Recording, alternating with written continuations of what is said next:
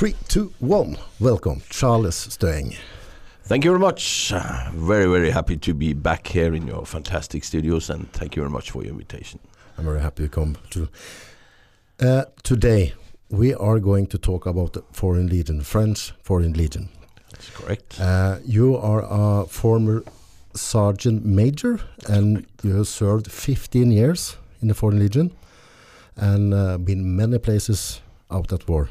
And the last 20, 22 years, you work uh, as a private contractor in security all around the world. That is absolutely correct.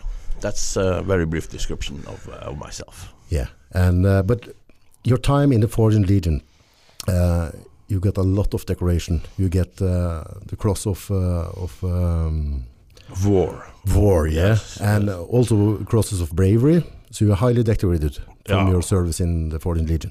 Yeah, you say so. Yeah. They say so, yeah.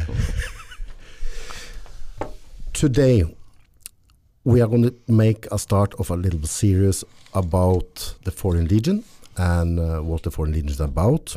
Uh, the Foreign Legion is uh, it's a lot of myth around the Correct. Foreign Legion. Yeah, it's a it's a Mexican captain who uh, was unlucky and uh, and uh, get in a fight with your guys Yeah. some years ago.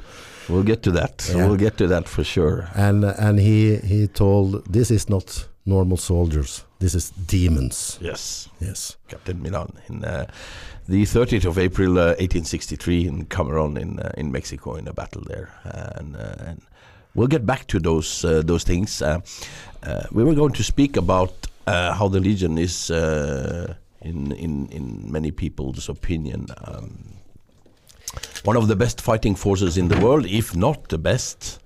Uh, me and you, we have been discussing this uh, often. Uh, I always, of course, within my work, within my life, uh, around in the Middle East and Africa and on conflict zones, uh, I often meet people, and, and, and people will often ask me, "Ah, what is the, how good is the Legion compared to the SEAL team or to so a lot of things." So I, I always, you know, you have to compare apples with apples and peas with peas, you know. So what what we wanted to do today was to sort of um, make a description, find Tilt. out what the Legion is. tilt your mic upwards Oh yeah perfect yeah there we go yeah Uh, it's There better. I'm, Yeah, I'm a bit outside my, my expertise area. Sorry about that. Yeah, I'll, I'll be working on it. yeah, Yeah, because the, the the mic is going in uh, straight in there so that's yeah. good. That's good. It's like uh, Joe Rogan. You know, also has to teach him uh, how to do it. it's quite easy to forget when you sit in a pod situation like this you know Yeah, yeah. okay So um, yeah, and and they're not comparable. You know, um, it's like if you compare cars. A Ferrari is not a Land Rover. They don't do the same things. So uh, I thought we'd start uh, giving you uh, is it what I call a little brief? Is it? Uh, I'm, wanted to speak a little bit about. Uh, I thought we'll start with a bit of the history of the Legion yeah in order to build the framework around what is going on.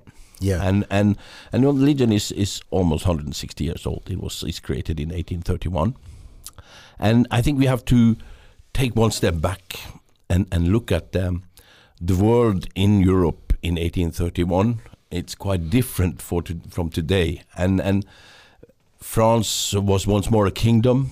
Uh, many nations in most, absolutely most nations in Europe, if not all, were kingdoms in those days. The geopolitical situation was very different, and uh, it was not uncommon uh, in those days to have foreign troops uh, fighting for itself. In other words mercenaries Yes, well, th those days they were not mercenaries. They were.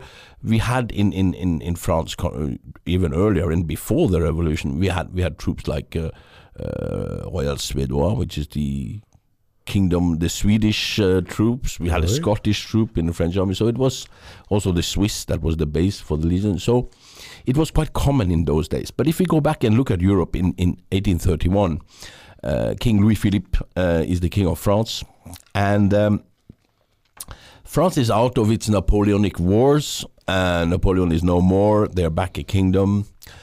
And France has a lot of ex soldiers. Uh, ex soldiers, foreigners from these foreign regiments. do I smell trouble Do I smell trouble in French society? So they have all these ex soldiers creating stories, uh, difficulties in general. So uh, they were a nuisance to the society. At the same time, uh, France is not in direct conflict, but the uh, you might know the the Ottoman Empire, um, the Middle East and the Islamic world in those days was represented by the Ottoman Empire, by the Turkish, we can say to The say Turkish, yeah, the Ottoman, too? Ottoman Empire. Okay. Yeah, and um, if we go back and look, you know, the the, the the the Turks. To say it simple, you know, not to be compared with the day Turks of today. This No, is a historical perspective. Um, they have been expanding in Europe enormously up to 1683, where they were stopped in Vienna. I don't know if you remember this. Uh, there was a big battle of, uh, of Vienna in, in 1683, where, where they lost. Uh, the Poles came to the the help of the Austrians and the Germans, or whatever we called them in those days. So um, we can actually thank the Poles that we are not all Islamic today. But that's another. So the Turkish was, a- was a force to reckon with, oh, it was a huge empire. Was it? Yeah. Oh yeah. And oh, good a soldiers. Big, big colonial empire, uh, much bigger than than any of the others in those days. Yes. So what happened is that uh, the Turks have been slowly experienced those over 100 years since the battle in 18 in 1683 a decline in Europe but they were still in North Africa and North Africa uh, was a sort of a wild area with a lot of pirates and a lot of uh, taking slaves in the Mediterranean Sea. You know, they were raiding cities in the south of France and in Spain and often in Italy. We don't know so much about this, but even people were taken from Iceland, uh, Even brought from back, Iceland? brought back to North Africa to the Ottoman Empire there and sold as slaves. So, So they sold Iceland people as slaves in Northern Africa? absolutely. Yeah, there. I didn't know that. Yeah, there. So, so France had a problem on the southern borders, and France, uh, with this King Louis Philippe, said, "Well, let's conquer the northern African. The Ottoman Empire is weak. Uh, there are several small kings there, or what we call vassal states. In those days, expansion was not a problem. So they wanted to occupy northern Africa, which they did. And by the same time, they thought, well, we have all these guys creating trouble, so we create the Foreign Legion. We hire these people. We will not use them in France. That was the, the idea in those days.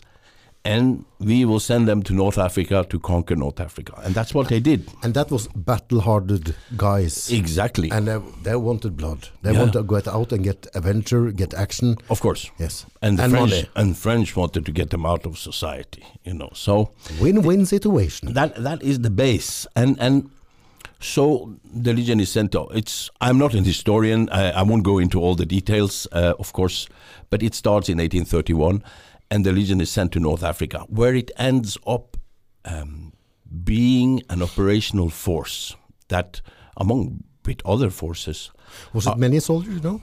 I don't know exactly, but I uh, we we talk about one regiment, uh, Okay. two regiments. Uh, one was sent to Spain, sold. It's a bit, but a few thousand, Yeah, a yeah, few yeah, thousand, and these these were uh, entering North Africa, conquering uh, Sahara, all these desert areas, and they stayed there for over hundred years, and evolving into counterinsurgency because you know this was counterinsurgency 150 years before counterinsurgency became the issue. Explain that for the people who are listening, counterinsurgency. What, what, So- what's the base, fundamental of this? so so the counterinsurgency is is is more instead of a, a, a traditional war where you have two fronts, two armies uh, like we have in Ukraine today confronting each other. No, you have in in a way one nation or one one one force has occupied an area.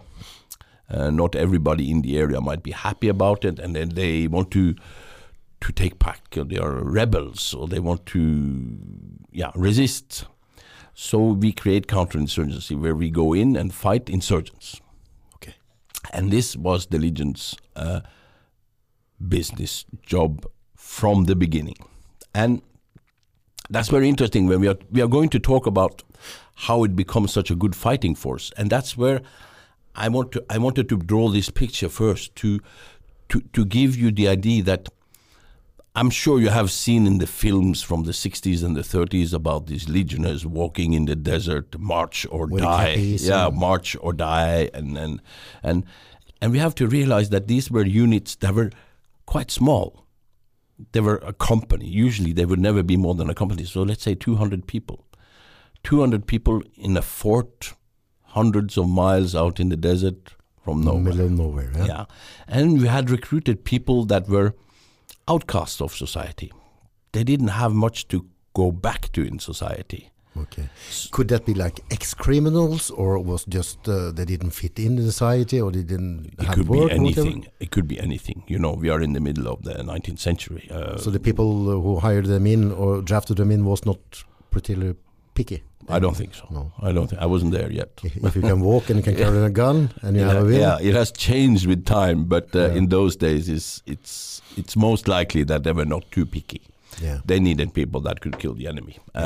uh, and and and it was also a way of, of people of, of getting a new life. So, but the point is that we we end up in the desert. But, but you when say create a new life, was it back in that time also they could get a new identity when they start? I don't know exactly when that started, but I mean, you didn't. It was not as as a controlled. Now you didn't have the pass control of the borders and stuff. Yeah, it was not such a controlled un- uh, society as before. It was, you know, in those days, uh, you needed to eat to live. Um, Yeah, yeah. We have a famous poem written by a Captain Borelli, uh, sometime in the late 1900s, uh, 1800s, um, in Indochina, uh, where he says, "I'm a mort to my dead people," and it's it's a long poem where he honors his soldiers that have died, and he says, uh, mercenaires peut-être, il faut bien manger pour vivre. It means mercenaries, maybe you have to eat to live. Yeah. So in those days, it was not like today. You know, you didn't have all these options. So a lot of people ended up with, with not many options in life, and they ended up. But where I want to point is they ended up without a family, Yeah. without connections, in a unit, in the desert. They got a How- new family. They got a new family, and and we learn it becomes like over time because we are, after all, Stone Age people. We are looking for belonging. We are looking for status. Sure. So all these people that that that were hired, um, were brought into a system where living in isolation, it becomes like a monastery. It becomes like monk soldiers. Of course, nobody becomes the perfect monk soldiers, but living in the desert, building your own camp, building your own roads, we become completely autonomous. You understand? Autonomous units where we, we do everything ourselves, and it becomes like a monastery. You don't need anybody else. We don't need anybody else. We run the war like that, brutal, harsh, but also self-sustained largely, without the logistical support. Uh, No that- global thinking there. no, those days no. So, but it folds out the base of what is the Legion today. These monk soldiers that that joins them for a new life and lives in their own society. And um, I have to check my notes here with my brand new glasses. Uh, and I think we can, I think we can say this this created this force that because the goal for France was to fix the problem. You know, the the, the Legion was not made for for people to. um, it's not for the, your flourishment that the Legion exists if you join. It is for the Legion to do the job. Yes. So the goal was to make this unit that could fix the problem, and they did. And the rest are sort of, you know, uh, side effects we can say that made it that people could come there, people could make a new f- future, and of course when they get this belonging, and we get to the point where. Uh, we say the legion, the, the, the motto of the legion is Legio Patria Nostra, which means the legion is our fatherland. Hmm. And that is a very smart thing to do because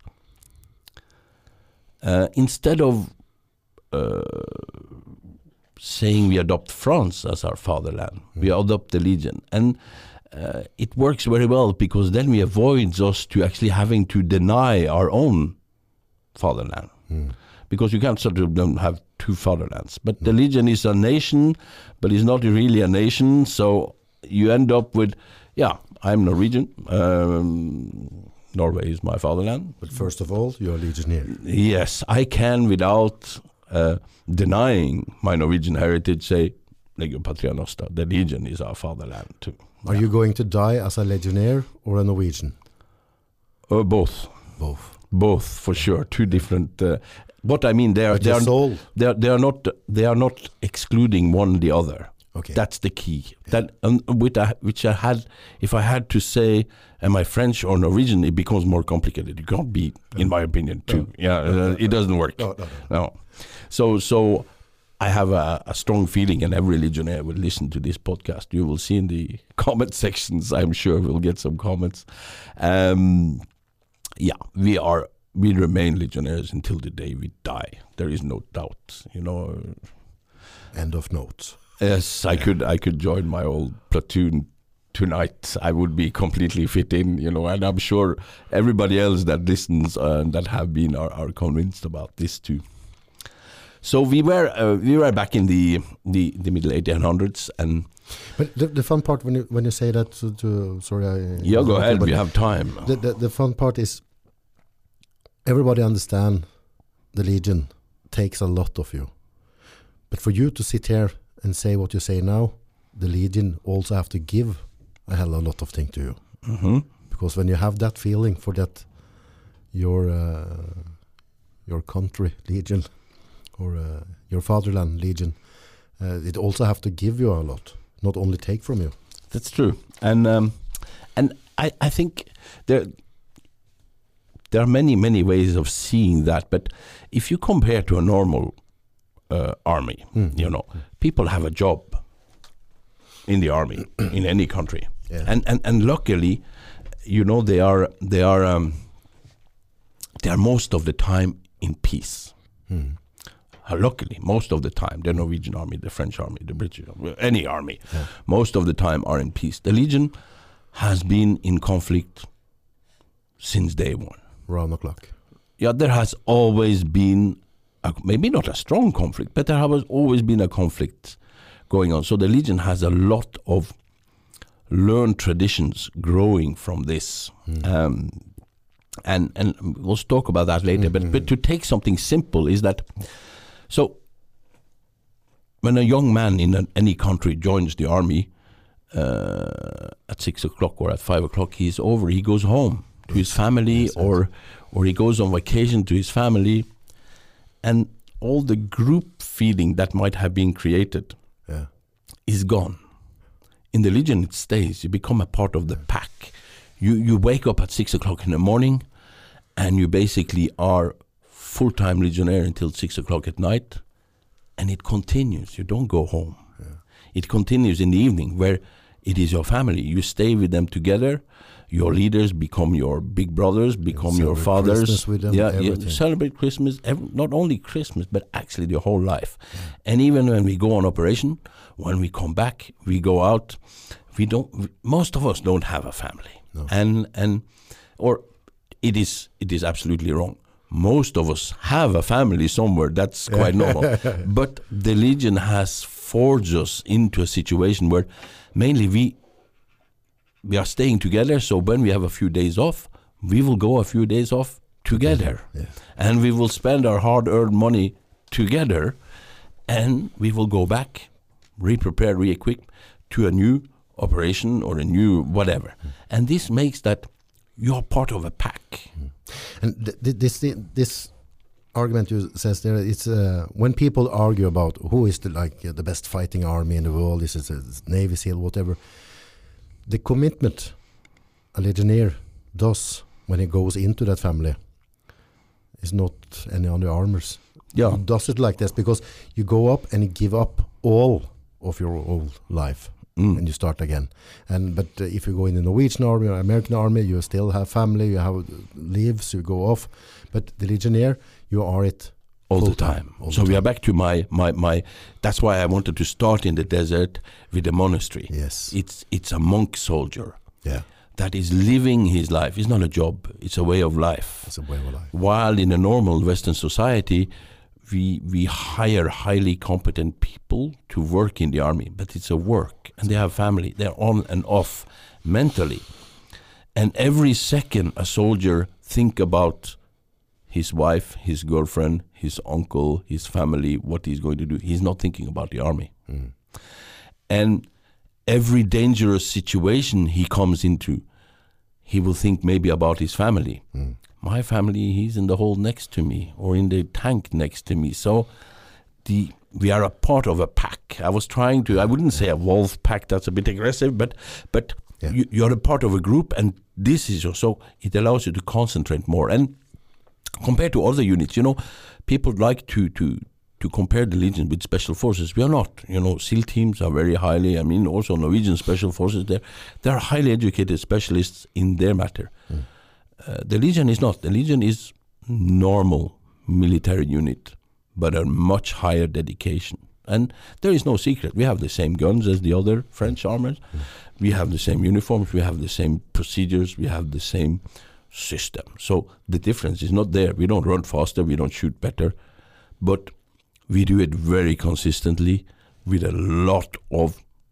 I think the right word is dedication as a part of the pack, and this is what what is the main main difference. Mm. I personally have always felt this when we we came out. You know, been in many operations with with other militaries, and and of course they are they are often very good and very very relaxed. But I feel immediately nobody comes next to us when it makes the pieces falling into place. That's what's nice in the Legion is that clack clack clack everything falls into but yeah and it's not impressive it's not a big thing is that all the details are because It's just a way of life. Yes, and then I go back to all this time in in in um, in conflicts. You know, the, the Legion is is a society of of reality checks. Mm. So we go back and we think a bit about the Legion is made up by 140 ish nationalities, maybe a bit more Quite impressive. there are people from all over the world.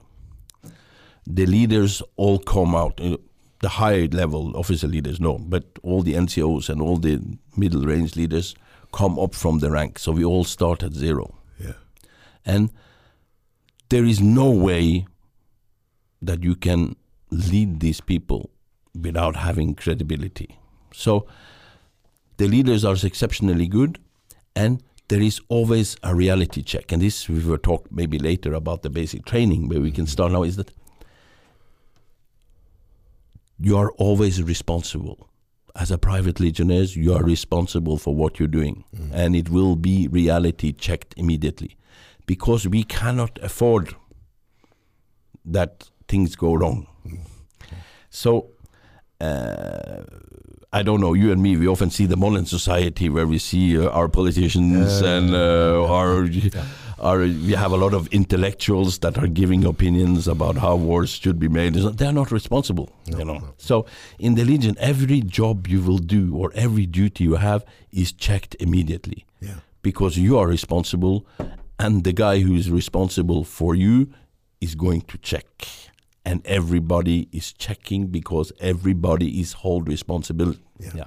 So it's from very basic thing. If that flag should go up at seven o'clock in the morning, at it doesn't go up at six fifty nine, and it doesn't go up at seven oh one No. because there is a check. Because we have always been in conflict, we know that you have to adhere to everything to get it going. So If you're gonna click, click, click. exactly. So everything is reality checked all the time. Yeah. And any leader that doesn't have the credibility of performing his tasks won't last. No. no he will become pushing some paper, some in the Yeah, corner. Yeah. yeah. And But- go ahead. Yeah, uh, I, I pushed you forward, but we're back to the desert, Yeah. 1800. Yeah. Uh, I, I get uh, go go quickly in, in front here, but uh, if you go back a little bit in uh, in the 1800 in the desert, the first uh, companies. Yeah. So because did did uh, did the world know about the Legion? Did they already get a rumor about them, or or did they get some status in uh, in the world ar- armies? let, let, us run through that. You know, don't forget the Legion is created in 1831, Yeah. and it quickly, apart from the North African campaign where they occupy, um, North Africa. They are involved in the war in Crimea in the 1850s. They are involved in the campaign in Mexico in the 1860s. They are involved in the French-Prussian War in 1870. Following that is a continuous um, um, colonization of the French of the area we call Dahomey, which is Mali, sub-Saharan Africa today, Madagascar in the Indian Ocean, Indochina being occupied by the French forces. All this is in the 1880s, 1890s. Yeah. And while the pacification of, of, of, North Africa continues, so the Legion is always present at these these uh, these battles, and has quickly earned itself a reputation as a hardworking force because well, we already explained. Uh, yeah, that's they. You're more active than the Vikings. Yes, you're everywhere. They stick together and they get the job done. So they get themselves quite a reputation. We come into the 20th century, uh, where the Legion remains present in, in North Africa, of course, but also in Indochina. We get the First World War. Mm. As you know, France had a lot of foreigners. France uh, has always uh, called itself, uh, we call it in French, terre d'asile. That means foreigners are welcome in France. Yeah. So a lot of foreigners will uh, join the Legion. Uh, poets, writers, artists uh, will join the Legion at the at the start of the First World War, and the Legion will participate in the in the First World War. Um, and this uh, this creates uh, a very strong presence in the in the in the French society. Mm at the same time, we are starting to get the, the information that is harsh uh, because uh, you also know the press starts to you know in 19th you know 1800s yes, you know yes, we yes. get the daily uh, press so we start to get the stories and people learn about this and the legion hasn't got any interest of stopping it because it, the legion sees it as good advertisement and and so that's where we end up with the films in the 1930s and the 50s with the legionnaires marching in the in the desert and yeah. And the Legion used this to create uh, what we call, you know, all these are social constructions. You, you are aware what a social construction is. That means these are things we create to to make it real, like laws. Yeah. We write something on a paper, and some politician signs, and becomes reality. yeah. So the social construction. Not far from what you experience today. Yeah. but um, so it is an idea to create a myth, a reputation, and to create something to hang. You need all this tradition to hang it on. Let me give you a good example. Um, I, I, I belong to for, for, for most of my time in the Legion. I belong to the the first cavalry regiment in the Legion, which is a a, a light armored reconnaissance regiment. Best one. Uh, by far, by we'll come far. back to that. We'll we'll come back to that easily. Uh, remind me to explain you the difference with the paras. Uh, yeah, we, we will get comment on that in the section, so it will be interesting. But um, so the the cavalry regiment in the Legion which is uh, then, as I said, a, a, reconnaissance or you know desert long range reconnaissance regiment, was created in 1921. That's late. That's late, yeah.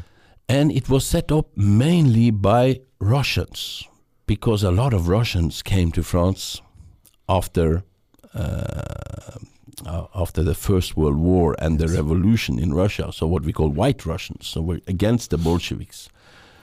So the regiment was set up mainly by Russians, and Russians were forming the, the base of the regiment for the first 20, 30 years. And this was a way of taking a tradition, hanging it on. The regiment was immediately sent to Morocco. It was uh, my first squadron was third squadron. It was in Morocco. Another after the First World War, you know, France got the control over what is uh, by the um, Treaty de Versailles or whatever it was, the treaty with the Turks uh, that lost the war, um, got the control over what today is Syria and Lebanon, and United Kingdom got control over what is Iraq and Jordan and uh, Israel today. So my regiment immediately becomes involved in in in operations in Syria and Morocco at the same time, spread around as, as a cavalry unit.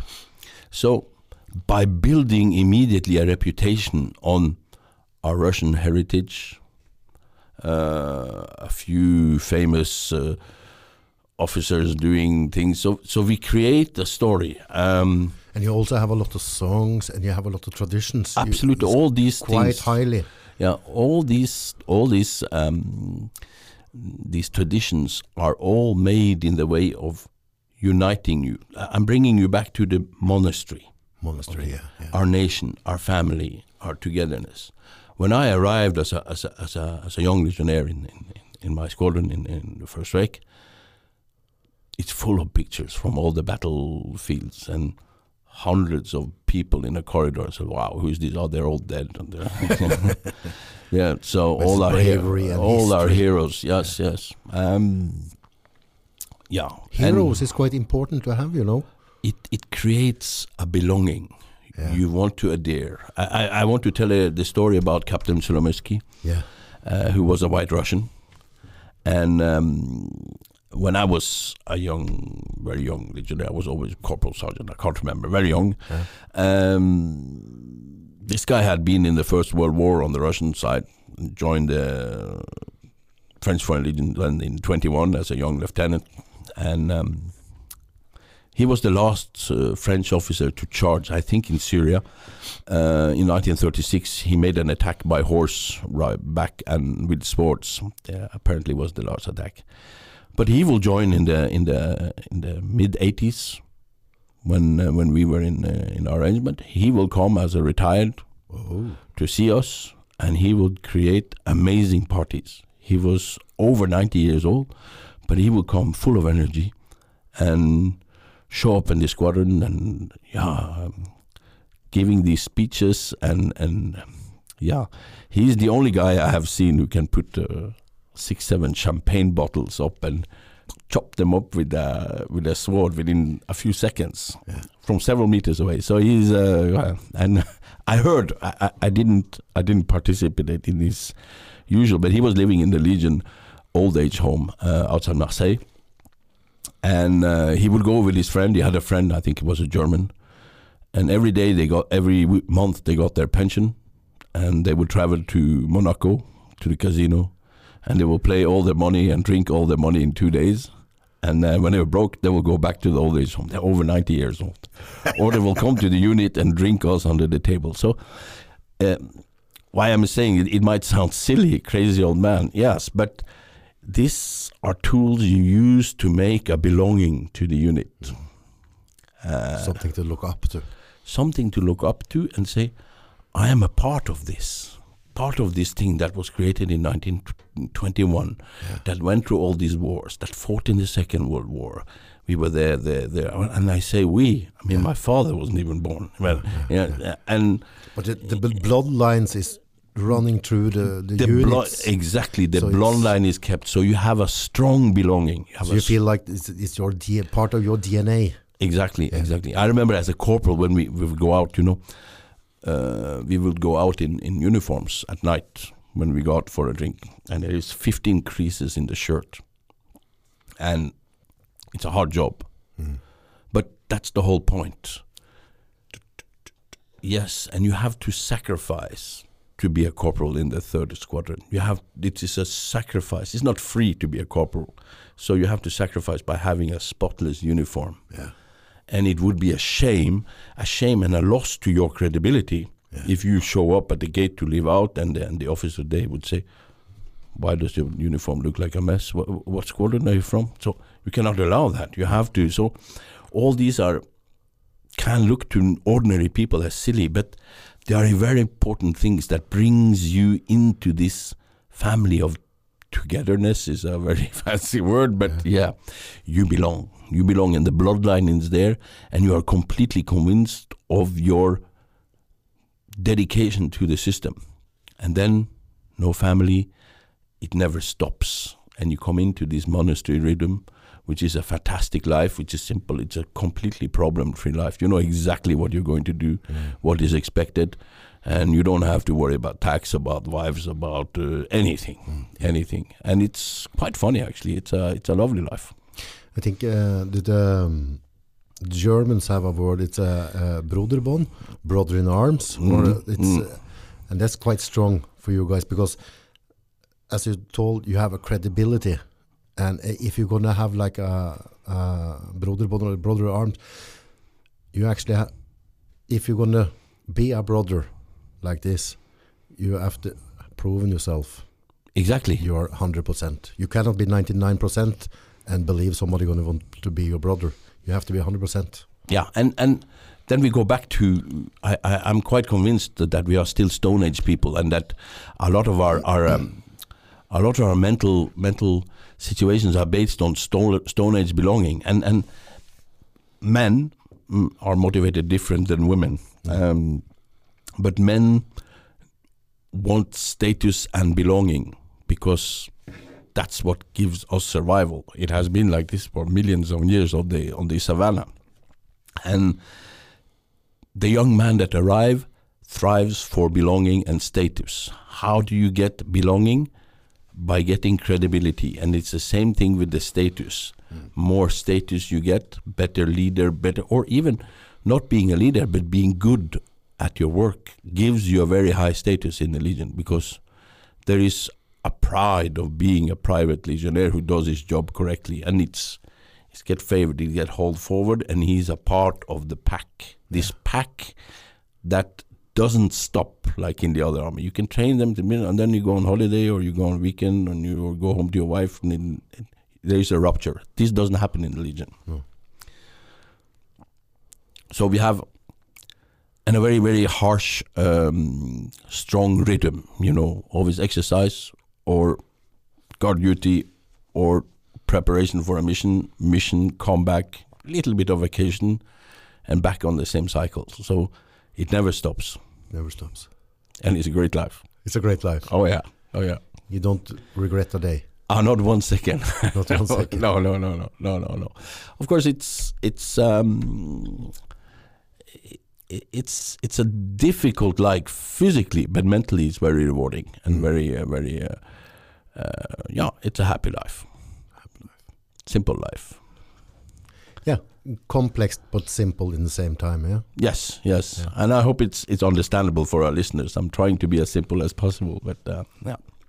But from from uh, from the get go, uh, from uh, early 1800, and we come out in the 1900, and um, and uh, the Legion is evolving in, in a way they uh, to the combats and build up the groups.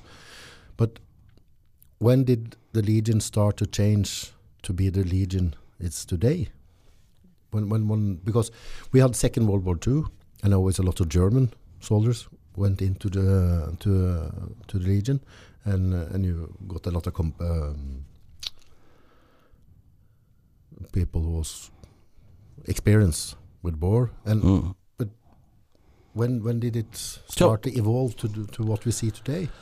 So yeah, you know, the, earlier there used to be a lot fewer nationalities because uh, travel was not available to the same extent, and and the Legion is always um, an image of the world society. Yeah, It It's- always like a mirror. yeah, it's Yeah. a mirror of of the world society. I I.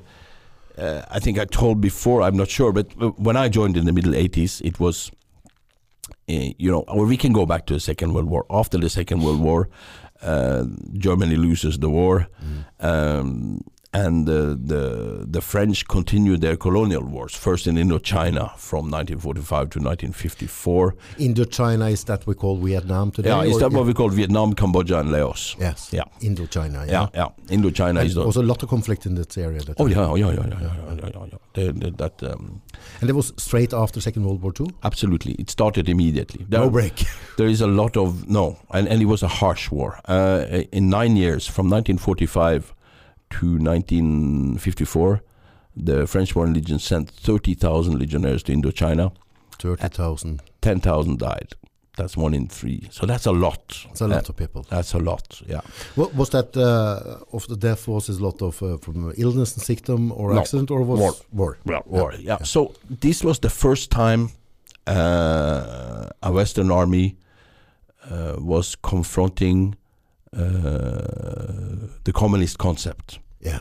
uh, where life had no value. At all. So uh, the Legion could fight very well. Uh, the most best example is probably Dien Bien Phu, where they were put in a horrible situation, Mm. uh, but there were just a few thousands, and the enemy were 10,000 or 10 times more Mm. and ready to lose. Their leadership was ready to lose, so you cannot win that It's not possible. if you just pump hordes uh, up the hill at one stage, you run out of ammunition. But um, oh, there are millions of books or thousands of books written about the Indochina War. I wouldn't consider myself an expert neither on the political or the technical uh, aspects of this war, but it was a very, very good. Um, uh, It was a rough time for the Legionnaire who was oh fighting yeah, there. it was a rough time. As I said, one in three died, and most of them are Germans, of course Mhm. quite a few Norwegians. There, there is some some documentation on it. Yeah, uh, mainly Norwegians that came out on the wrong side during the war. Yeah, and um, from uh, from my regiment, from the cavalry regiment, uh, a lot of Germans. We have 22 squadrons in in the Indochina War, so it was a huge regiment. Mm. Most of the times, the the the documentation that I have seen from those days are in German because the leaders were German. Yeah. So. Uh, And and uh, a lot of the Mars songs, no, everything is some is like Of uh, course. Of course, German. Uh, I, I, as a recruit, I learned and learned to sing songs in German without speaking French. Uh, it's quite an experience. At three o'clock in the morning, naked in the woods. Uh, that's another story. Uh, and uh, after after um, it is motivating. After the it is motivating. Yeah. you, it wakes you up. Oh yeah, oh, Oh, yeah, yeah. yeah. You're amazed what you can learn when you are naked in the wood at four o'clock in the morning Singing and haven't, haven't haven't slept for three days. Yeah, it's you. Then you, you it's another concept of concentration. yes. And uh, at the end of the Indochina War, they actually overlapping more or less, but the the the, the war of um, of Algeria, of decolonization Oh, yeah. of Algeria, Yeah. Which ends in disaster because the French are winning military the war, but it, Losing. the times of colonies are over and it ends in a military coup because they are winning the war, but the politician says stop. So Mm. yeah, another political issue that I'm not a specialist on, but. It Uh, was a rough time for the for the Legion. Yeah. uh, well, at the end, yeah. Luckily, Yeah. we survived. Um, we can have a whole podcast on that. Yeah, but it was a lot of people died there too. Yeah. yeah, they had they had time to time heavy losses, much less than Indochina. Indochina was the biggest Yeah. one. Yeah. Yeah, yeah, because you know the Indochina was a war where the enemy had a lot of uh, assets. Mm. China and the Soviet Union could provide mm, limitless, left. endless. Yeah. Yeah. it's the same problem that the Americans faced uh, a decade later. But I would like because people are, are quite happily uh, like to discuss the the strength of uh, different armies and, and groups, whatever. Yeah, but so the listener can understand the the mindset of a proper legionnaire. Could you tell the listeners the story about um, the Mexican? captain? Yeah. yeah, Yeah, yeah. because so- that, that's for Yeah. me. I get goosebumps, you know, because that's Yeah, legion for me. it's it's a part of our of our foundation is the story of the battle. And and it describes very well um, the legion what we what we would call the legion ethos the the whole mindset. And and this is from the campaign uh, in uh, Mexico in 1863 uh, the legion is a part of of the French campaign there to whatever. I'm not uh, going to go into politics about that uh, operation either, but we are. It's 160 years ago, uh, 100 and yeah, almost 160 years ago, and um, uh, as a part of the battle, uh, the Legion uh, is uh, given the order to escort a convoy Mm. uh, over from A to B. Let's not go into all the details. But the Legion has already engaged all the units, uh, the combat units in battle. Yes. Okay. So uh, they have to, in order to fulfill this mission, this duty, they have to uh, do what we call former compagnie de marche. They have to create an ad hoc company, which they do by On taking yeah, with taking the cooks and the guys who were keeping the horses and the guys from the stores and, and so on. They take the officers from the offices. So it's the flag bearer, it's the master payer, it's the chief administrative officer. These are so they made a, a, a ad hoc company, which they send off to to escort this convoy. Um, and this convoy has then gold, food, uh, all the materials, and it's it's quite vital.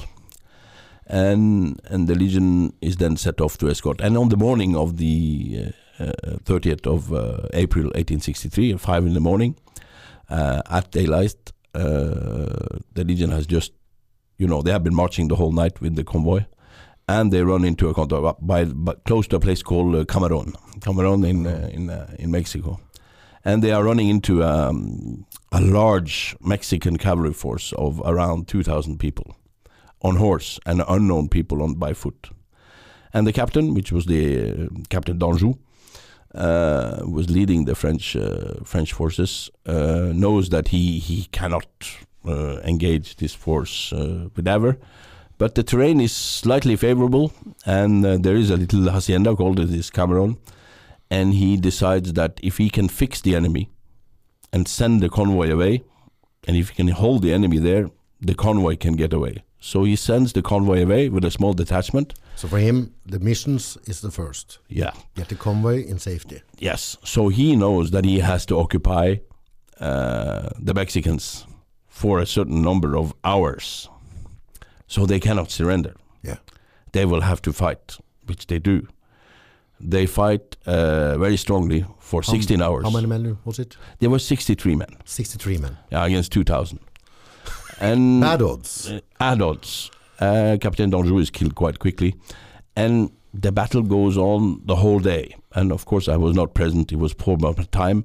But the whole idea was that the Mexicans were getting more and more frustrated of not being able to beat them, and that gives more time to the convoy to get away. Um, and uh, and their their captain or their colonel Milan, I think his name was, uh, was sort of getting agitated uh, and finally after 16 hour makes a, a major attack uh, on the on the on the on this hacienda where only five legionnaires were. Hacienda is like a small farm. Yeah, there must have been. You know, I've, I've seen paintings, but I don't know really. Oh, yeah, yes, yeah. So they were holding on there, just occupying them. And in the end, we have just five legionnaires left alive. Five of 63. Yeah, five of sixty-three, and they they instead of defending, they charge in and attack So they just fix bayonets. and charge in. Yes, so they, um, well, I wasn't present, but they basically uh, the Mexican uh, colonel so impressed by their bravery, just get them clubbed down, arrest them, and allows them to keep their guns as prisoners. Because uh, he says, uh, on refuse rien des hommes comme vous. We, we can't refuse anything of men like you. Okay, so all this is is battle history. The point is that it wasn't the sharp edge; it was the legionnaires, the legionnaires from the monastery, mm, mm. the cooks, the you know, that went in, did the Solved. battle, yeah, solved the battle, fought the battle, and the point was not to win the battle. The point was to get the convoy to safety, which mm. it did. So this is one of our founding uh, stories. But your captain had a prosthetic arm, didn't he? Yes, he has uh, had yes, and Yeah. um, which was lost in the battle, found years later, and it's today. You can see it in our museum in uh, in Aubagne outside Marseille if you go and visit. In Aubagne, yeah. Yes, yes, yes. They have the Legion Museum there, and we have a sort of a cryptic area where uh, where where all the names of uh, the officers killed during the all the wars since 1860 since 1831, and his uh, his wooden hand is one of our relics that we bring out every year on the parade for the uh, Camerone, the 30th of April.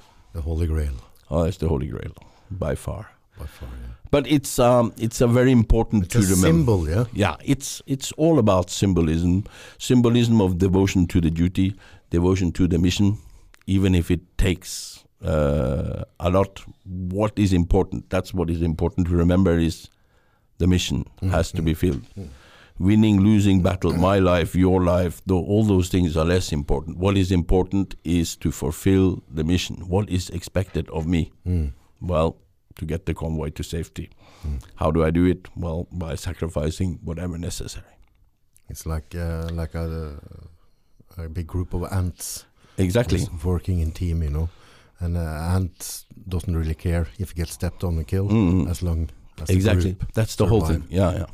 So this is the strength of the legion and and it it, it, it makes one of our founding we, we call it uh, if we were talking about uh, anthropology and and things like this we would call it an existential myth. Mm. and and we have the same in you know uh, in, in Norway with uh, Harald Hårfagre or other things you know so uh, yeah yeah. So these are the foundations of our of our society and devotion to to a system But back to Indochina and Algeria. Uh, in what way did those two major wars uh, shape the Legion?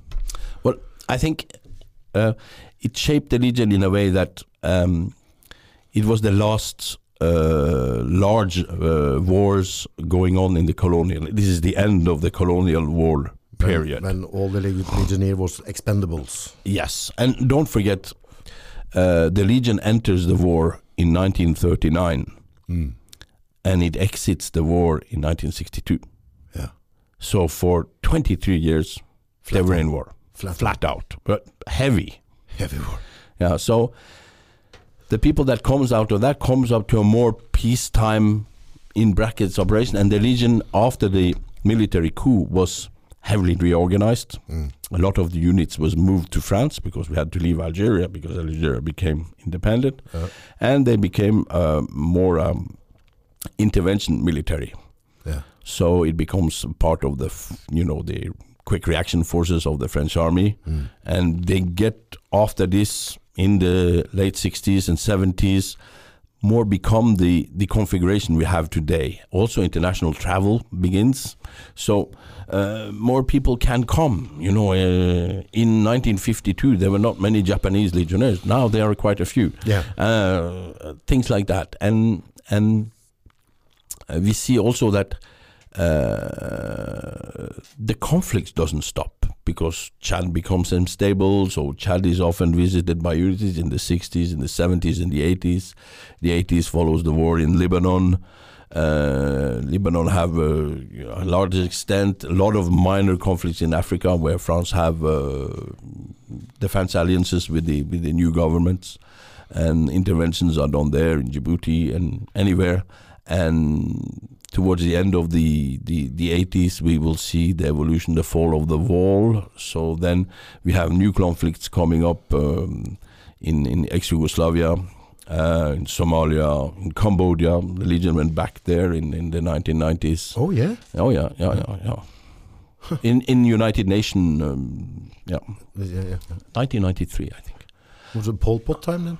Uh, after, After. after, I think there was more a mind cleaning. Yeah, uh, but, yeah, okay. Because Pol, Pol Pot, when did he uh, fall? you're, sure, yeah. you're outside my Yeah, framework. But I think I think uh, Cambodia was like uh, heavily communist or, or Khmer Mhm. run all the way up to about 2000, I think. 99, 2000.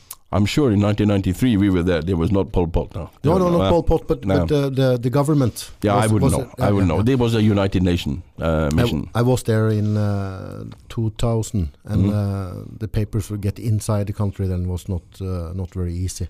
not simple. And uh, no, and uh, and uh, many of the areas I went to, Mm. I have never seen blind people before. Mm. So I experienced like uh, small kids just falling off the bike when they see me and stuff, you know, and sitting like this with my skin. Suddenly you feel like Tom Cruise. huh? Oh yeah, Yeah. Very nice. and the other shitload of, uh, as we talk about the, the mine situation, there is quite Mm. heavily. So a lot of the floating village Mm. out there, yeah. Mm. So, so it's crazy. Yeah, I think it was. I, I was not there those days. My my unit was in Somalia, so I did not participate participate in uh, in Cambodia. So um, I'm sure somebody did in the comment section. They will put it. But but uh, even today, uh, the Legionnaire is stationed around the world. Mm. Uh, how many camps do you have with uh, Ten. Ten. Mm. So I wanted to go back Okay, quickly, quickly, and and so after the war. So, so to give you an example, when I joined in the mid ninety mid eighties, um, It was A ten long years. time ago, my young friend. Oh, there. Jesus, don't talk about this. You still look handsome. I was still young, handsome, and Oh, getting yeah. better and better every day. Yeah, inshallah. And uh, and um, when And I have a joined, beautiful soul as well. yes, a good heart, Yeah. good heart. You know, I'm getting a bit weird by age, but that's how it is. Nineteen mid mid eighties. It is ten years after the end of the Angola and Angola. What do I say? The Portuguese colonial wars. Okay. So they ended in 1974, I think, the war in Mozambique and in Angola. So uh, 10 years later, in the Legion, all the leaders are Portuguese. So Mirror of the society. that's what I wanted to get to, yeah. Uh, so I joined, there was a few Brits that had been in the Falkland Wars. Uh, it went on, and when the wall fell, it was suddenly all the Eastern Europe and the Russians arrived, and it has reshaped the Legion enormously. Yeah. Because today, um, even with 140 nationality, uh, a lot of the people, of course, now we are 30 years since the wall has fallen. So the big leaders of the Legion today come from Eastern Europe and, and, and, and Russia because they have been there a long time and they are from that generation. Mm. So uh, yeah, this is the effect of uh, of the society evolving. Yes. But I think it's a myth, you know, because uh, because uh, from the old days when when they recruited people, you know, and and they uh, took in uh, whoever want to come and would uh, commit their life for for Mhm. the legion. But today, the people who are volunteering in and walk in the gate in uh, in uh, in uh, outside Marseille Aubagne, they are highly educated. Many people, and it's it's it's a lot of people from quite good uh, standards. So so so it's it's not uh, today. Maybe it's not uh, like the the um, the outcast of the society in the same way as before. Or am I wrong? No, no, you're you're, you're completely right, and and actually, had always been that. They are still, you know. Let's go back and think about it. Behind behind every legionnaire, there is a failure. Hmm. It's hard to say, but there's a failure. Uh, I come from a normal Norwegian family. Uh, if I was as good at school as I should have been, uh, I would have been an airline captain today as I wanted. Yeah. Uh, but I'm not an airline captain. I'm an ex-legionnaire because um, mistakes in my youth uh, brought me to the Legion, Yeah. and not big mistakes, but um, basically I was fascinated and thought uh, that could be a good idea, and uh, and there I was. Did so you read any books and stuff? yeah, I read a book. There was a fantastic book in Norwegian came out in the early 80s, and I think that's the one who gave me. I didn't think they will take me. I just went there for fun, and suddenly, suddenly, ah, you have done 15 years. Uh, but uh, the Legion have always taken people of all kinds of society. The problem is uh, there is a hard selection process Very because hard. we get, as I said, 140, 145 nationality can come 24 hours per day can come. There is a very harsh selection process, and before, as I said, in you know last century, maybe they wasn't looking too hard when they needed thousand. But today you can choose and pick. Today they can choose and pick, and today world travel has made people available. You know, makes the Legion available from people from all over the world, mm. and the Legion has soon 200 years experience in picking and choosing. So I know from experience that it will say this guy he's educated, we'll take him in, and we'll take this guy which is a bit uh, not so educated, and we'll put them together and we'll make an excellent team, and we, they construct it up like this. So it's, of course, it doesn't always work. Uh, it's a bit of a lottery, Yeah. but. Um, But experience sure helps. Oh yeah, I I I, um, I once went to to to corporal course, and and and and we are sort of teamed up, uh, and I'm teamed up with a very good friend of mine. He's, he's a friend today, even uh, many many years later, we became friends, and he told me I can't read and write. I said, okay, um, we'll manage. We manage. I'll do it for you. yeah. And and this guy is he's a machine. He's from Brazil, um, but he's a physical machine and and, and a hard-working guy and not not big but strong. He can carry anything. He can do anything. He can climb ten meters of rope, uh, half asleep. Uh, really, really strong. And and yeah, he was telling me stories. You know, I, I, maybe I told before, but we had our first Christmas in the Legion together, and I was sort of saying, "Oh, we're away from our family." I was still young, and he says, "You know, you know, uh, Charlie," he said, "My mother was a prostitute. Mm. We never used to live more than a month in a house, and."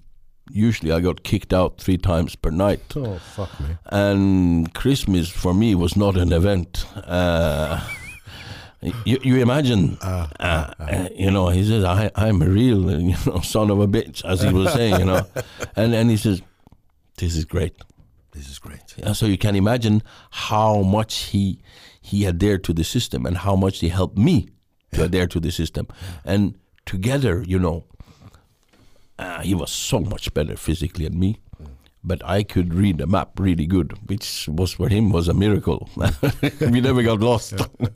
so these teamworks were built up, and we, we, we became a very very strong team. And even today, soon forty years later, we have contact, and he's doing fine.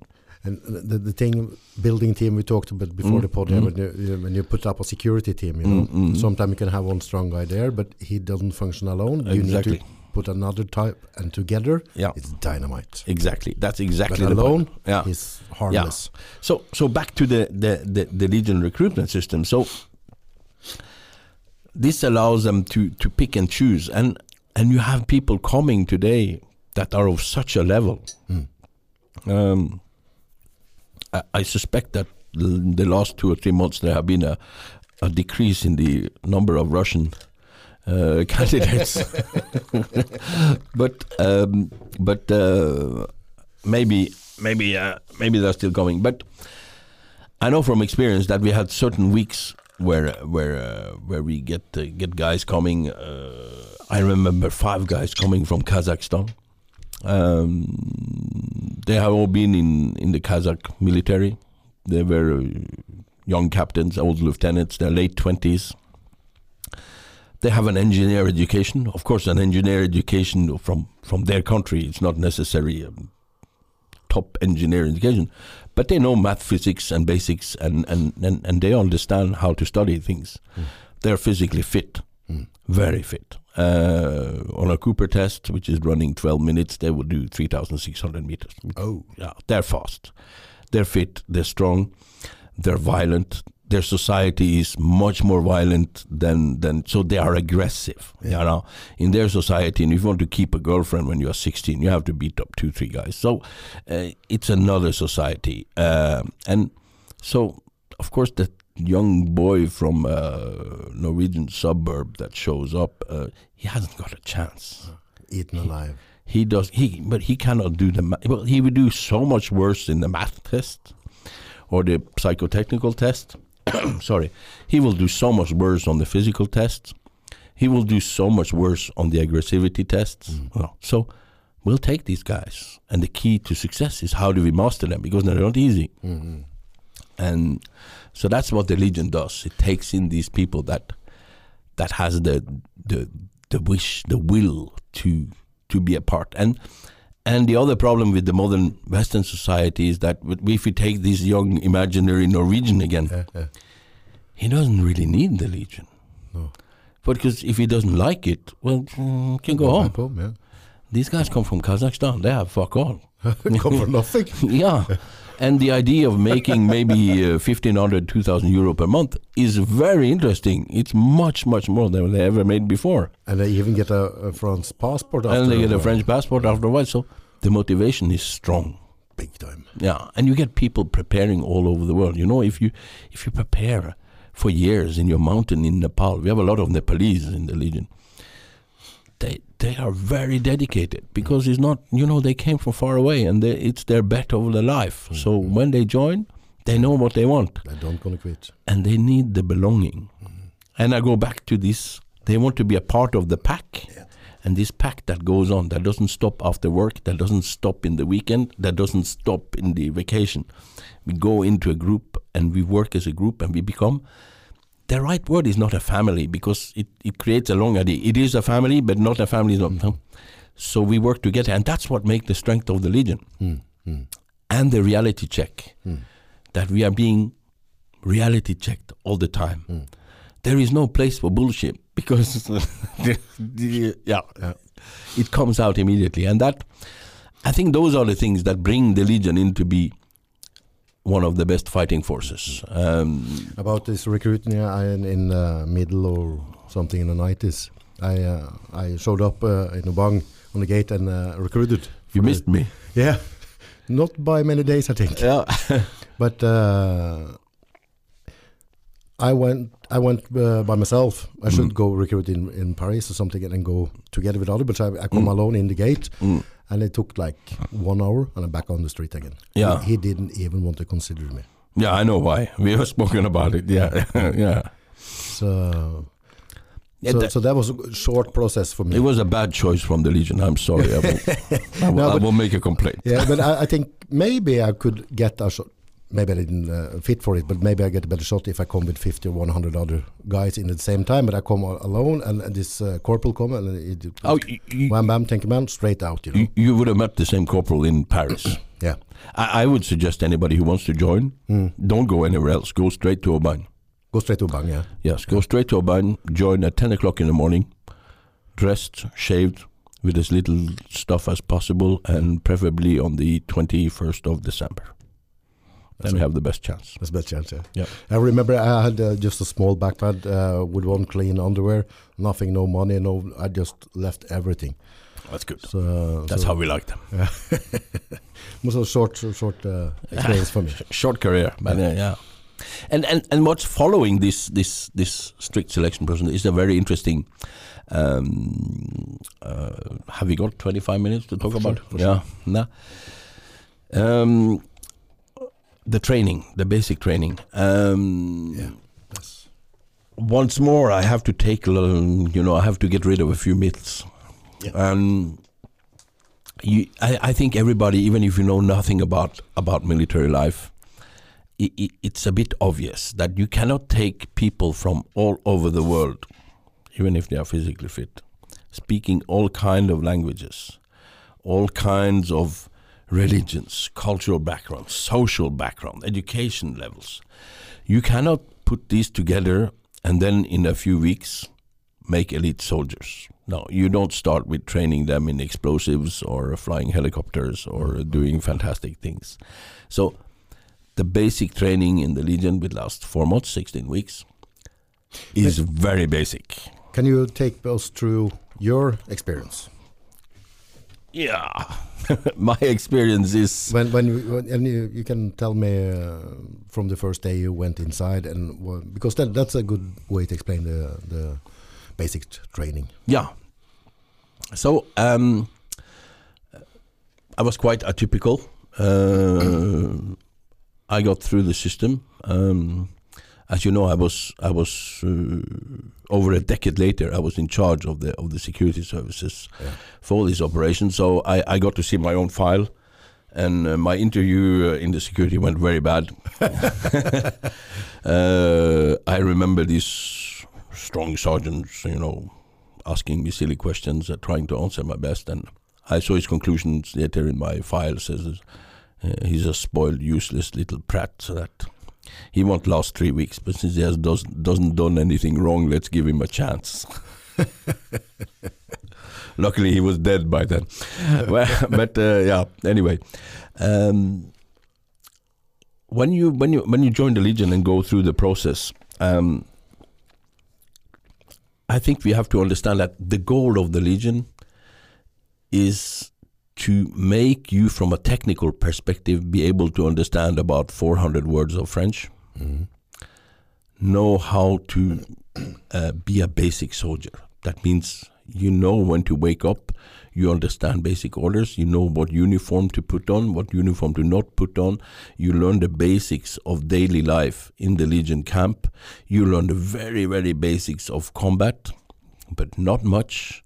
And very, very basic things about transmission, navigation, uh, first aid. Uh, there is very the whole thing we try to do in the Legion is to create the foundations of this future monk Yeah. in the system. So we are going to take people in and we are going to break them down.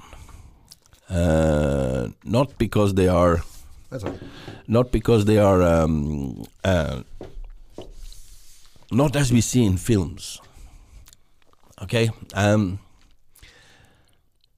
you take all these people together and you put them under pressure, and and that's where many people are surprised because it doesn't happen like in the films.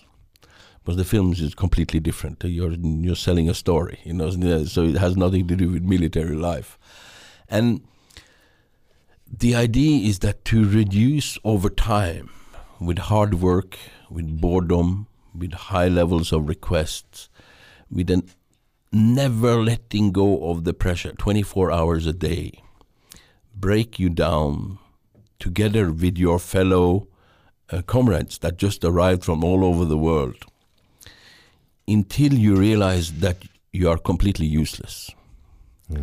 You are useless, but your friends are also useless.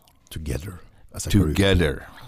Not as an individual. No, the individual goes out of the window because he's not a part of the foundation. And that's where I think modern society has based too much on in the individual, but that's another So discussion. when you walk in the gate, Yeah. your individual goes out Yeah. and the groups come in. The groups come in, you become so they will take make this pack that they will destroy. And the other thing we do, we try to, uh, you know, we all have a immune immune system. Yeah. huh? where we are more or less resistant to to to Bacterias, different bacteria, pathogens, and all that. So, I I always like to say that the Legion also put a very very hard effort on working on your own on your cognitive immune system Yeah. Your mental. because people come from everywhere in the world with all kinds of experience and all kinds of different levels of tolerance for a lot of things. Before you react. And Yeah. And some are aggressive, some are not. Somebody have seen a lot, somebody have seen nothing, and some. So this is a part of the breaking down process where we reduce them that everybody is as low as possible, and we do that by not putting them in the classroom and giving them PowerPoint presentations on how the world should be. Uh, the training regiment is set up in in Castelnaudary uh, south uh, west of France and it's basically made up by different farms. The Legion has bought farms around in the countryside. And this new pack of 40 to 50 legionnaires that arrive from the recruitment center that has been integrated, they are sent out to a farm. The farm is in a way this this fort in the desert mm. from the hundred years ago, completely isolated from the rest of the world. And that's where they learn that you don't sleep, you work, mm. you run, you cook, you clean, you repair, you make everything yourself. And it is not that it's so difficult, but it goes on all the time. There is always a pressure, Constant. constant pressure, constant pressure, constant Cooking, pressure. Yeah. cooking. yeah, all the time. It goes on for day and night, several weeks.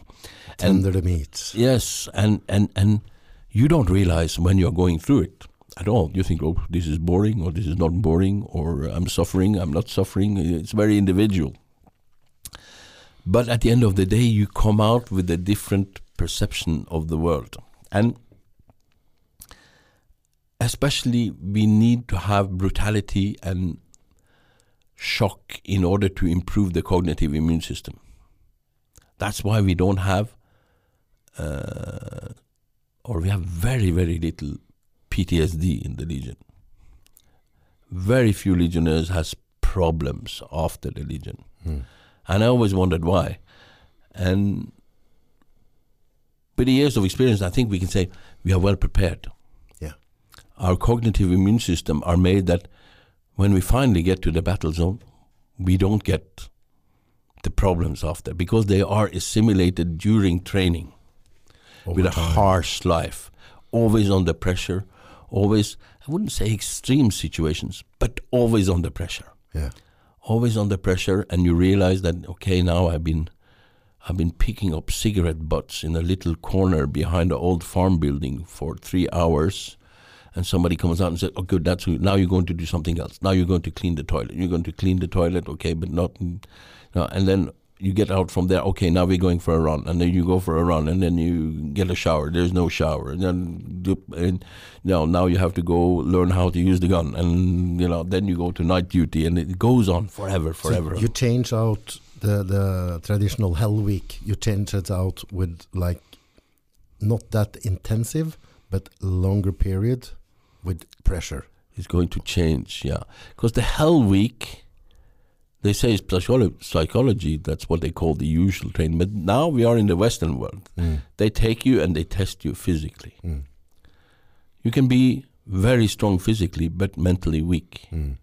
And that's the weakness of the modern society in West, in my opinion. But Yeah. that's just And me. you, you cannot find that uh, mental weakness in one week. You need more time, more pressure. Yeah, and, and it's basic training. It's just the basic first stones. Yes. It takes years to build the legionnaire. Mm. So tho- that basic training is just a way of of getting you. uh, Let me just check that again. Everything, yeah, to get you into the basic vision. And with this pressure that goes on all the time, we teach you the basic stuff. Okay, how to brush your teeth, how to make your shoes, how to understand basic orders, how to get 400 years of words of French into your head. Uh, how to how to operate your gun, which is very simple. So this goes on for four months, and it's a high pressure operation. Uh, not not physically. Any young man, Can In- do it. yes, yes, yeah. yeah. So don't think that you have to train so much. That's not the problem. The problem is keeping on doing it all the time, with very limited sleep, very limited relaxation, and under constant pressure in a language you don't understand with people from another planet.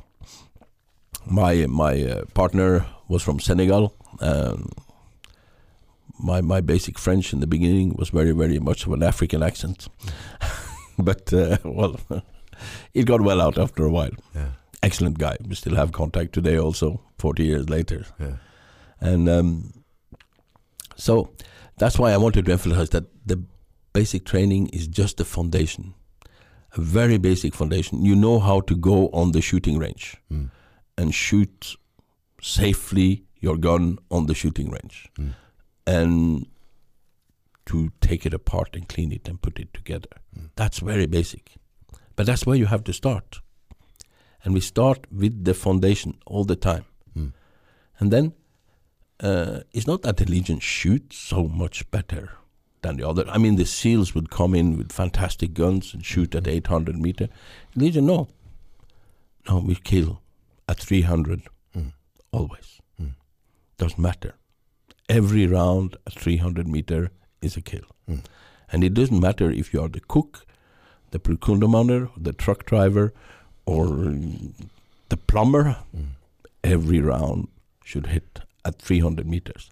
And your reputation, your status, your belonging to this selective club, this monastery, this brotherhood, Mm.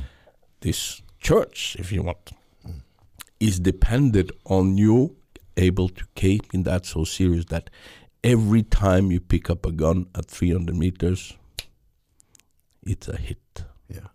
If you sleep or not, you're gonna hit. Yes. And when you take that out and put it into the battleground, hmm. that is one of the many things that makes that it works. Hmm. Because we don't, you know, no, no. We have been hammered into the head from day one. This is how it works. Hmm. Every round counts, every round hit. It's not difficult. It creates concentration, dedication, calm. Hmm. And that's what you get. Voilà, monsieur. Voilà, monsieur. take me through your experience and your remember what, what you remember from your your first four months and and what hap happened after the four months. Yeah, it was. Yeah, uh, I was. Um, you know, it, it, it was very interesting. Uh, uh, after the selection process, I was I was we were selected and, and, and sent us uh, 40 guys to to, to to this um, training camp. It's a place called La Passée, and this was a very very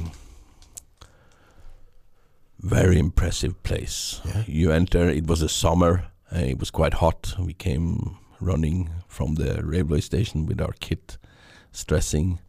And as you walk in the doors, uh, the gates of this place, you know, of course, we didn't know how to march, so they just push us through like cattle, you know. And as you walk in the gates, there are two huge buildings. They are typical 19th century uh, French um, casernes or military buildings. They are huge buildings, and I will explain later inside.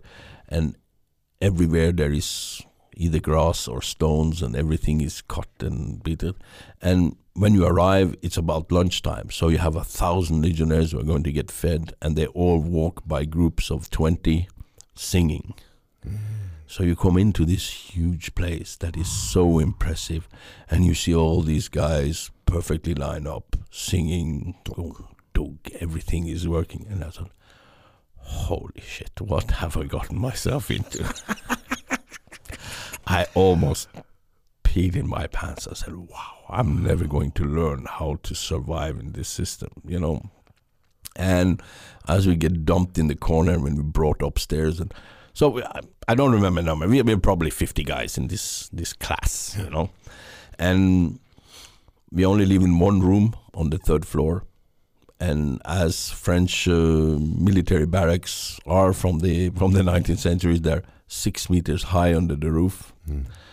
They are cold in the summer and they're cold in the winter. Big windows and the beds are three or four in height.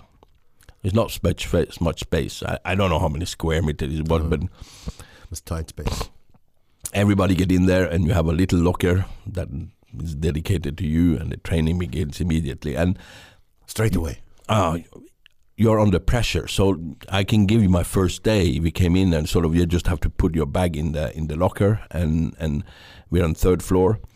And the corporal is sort of saying, "I want you to see everybody down with this type of shirt in uh, four minutes." It's basic stuff, so everybody understands French. Grabs the shirt and start to run down. Those who don't understand, they run down, so they didn't have its shirt. So when you come down, we get all lined up in the sun. A lot of shouting and screaming, and uh, by sign, you understand you wanted this shirt, so everybody up and in and get your shirt and down. This goes on for hours. This is the pressure you get, hmm. and you realize that these these walls are spotless from hundred years of cleaning. Hmm. The floor is wooden and polished with wax, hmm. so you have if you walk, it squeaks, especially in boots, but five times per day it's cleaned with cloth so everything shines. Even the stairs shines and you run up and down these stairs or you clean them. And the pressure is on all the time. And uh, the first night you go to bed you know uh, you're so tired you close your eyes and two seconds later it's the morning and you're up and it's six and you have one second to get out of bed because you'll be counted. If you're not out of bed you will remember And make sure you remember. oh yeah. Oh yeah. Get smacked around. So it, it's not even an issue. Everybody's up immediately and, and and the pressure is on and the pressure is on and the legion has a good system of keeping the pressure while it allows the people to fail and then they show them what they expected and we start over again. And if you're a bit thick you didn't get it so then we do it three times four times. And this allows us to without understanding the language actually getting the basics in. And we spent just a few days in this this huge uh, camp because there was no reason to keep us uh, there. We are going out to the farm. Mm. and um, as soon as we got the trucks and a few intelligent guys had license, uh, we got this old Dodge six by six from the Second World War that had been in Indochina and in Algeria and in all the wars in Africa since last forty years. They send some service already. Oh yeah, yeah. We take them to pieces completely and put them together again. And we brought this uh, out to the farm, and there we spent a month and a half in the farm. Uh, it was a very nice little farm in the mountain, in the Black Mountains in, uh, in south of France. But once more, I learned French. I learned very basic how to take apart the gun, put together, how to iron a uniform. Uh, that's an interesting story. You know, you have to learn how to iron the uniform. So um, they were not that nasty. They gave us iron, electrical irons, but Oh, uh, they said uh, uh, we have to save on uh, on energy, Okay. so you don't turn on the lights.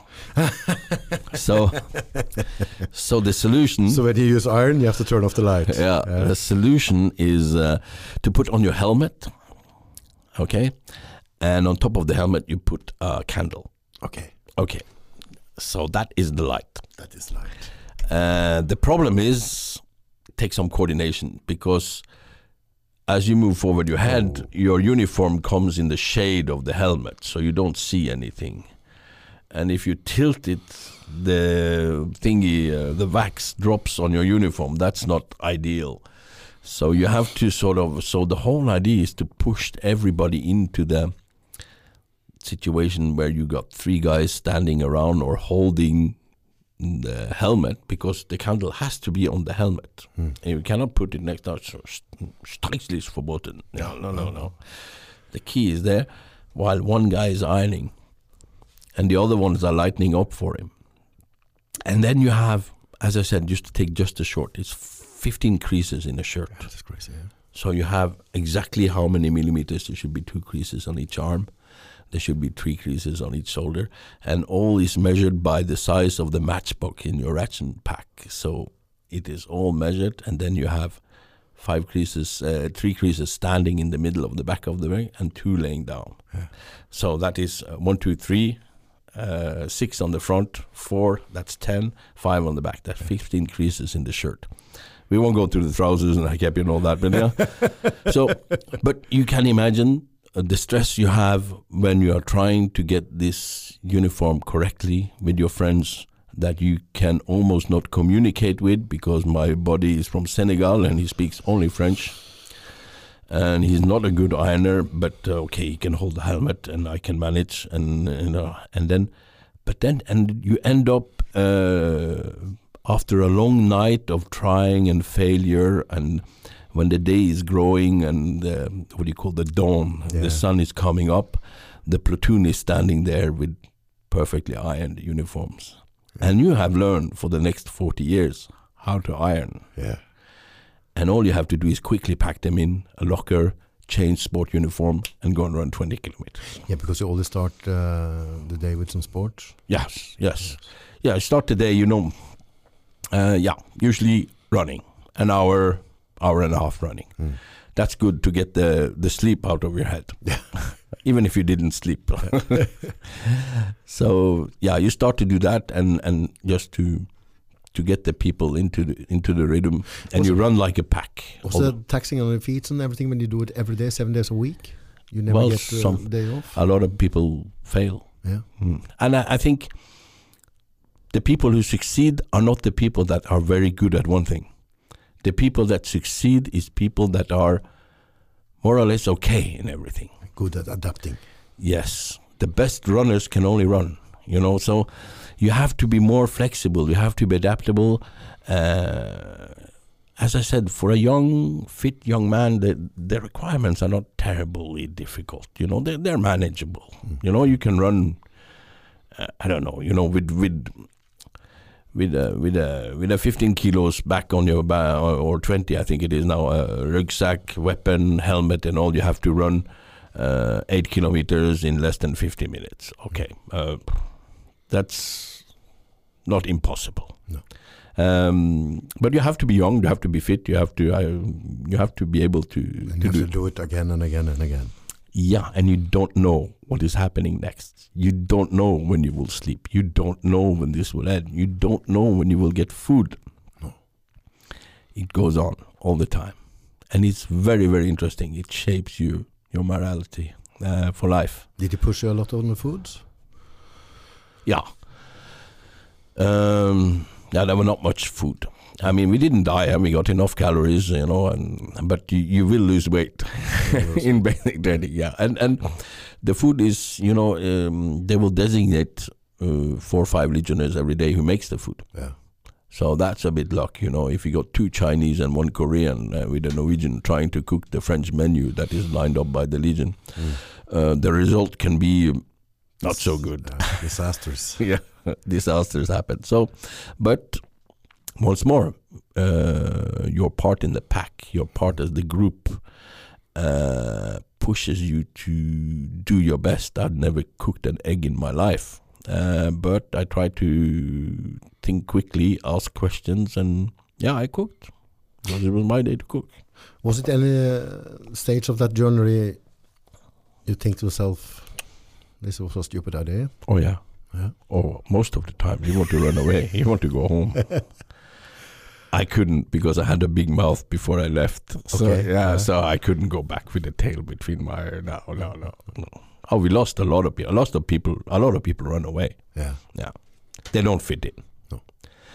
The cost of being a member of this club is too high.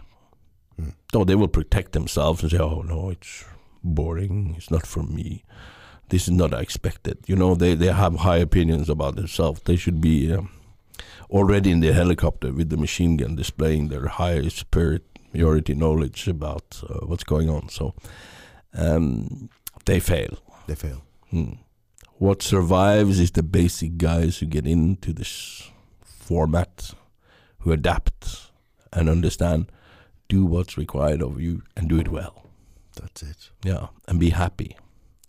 And when you finally get out of there and you find out my life is my body and a little locker, that's all I own That's it. and I make more money than I can spend because there is no you, can, you can't spend any money, and you have no troubles because I mean I don't mind waking up at six in the morning around twenty kilometers, doing fine, and it's a good life. And once you start to understand that the discipline is to your advantage, when you know when you start to know the system, you can adapt. You can um, you can be ready up front. You can, and then then it's like riding the wave. Yeah. Very simple. I didn't have a bad day in the Legion after basic training.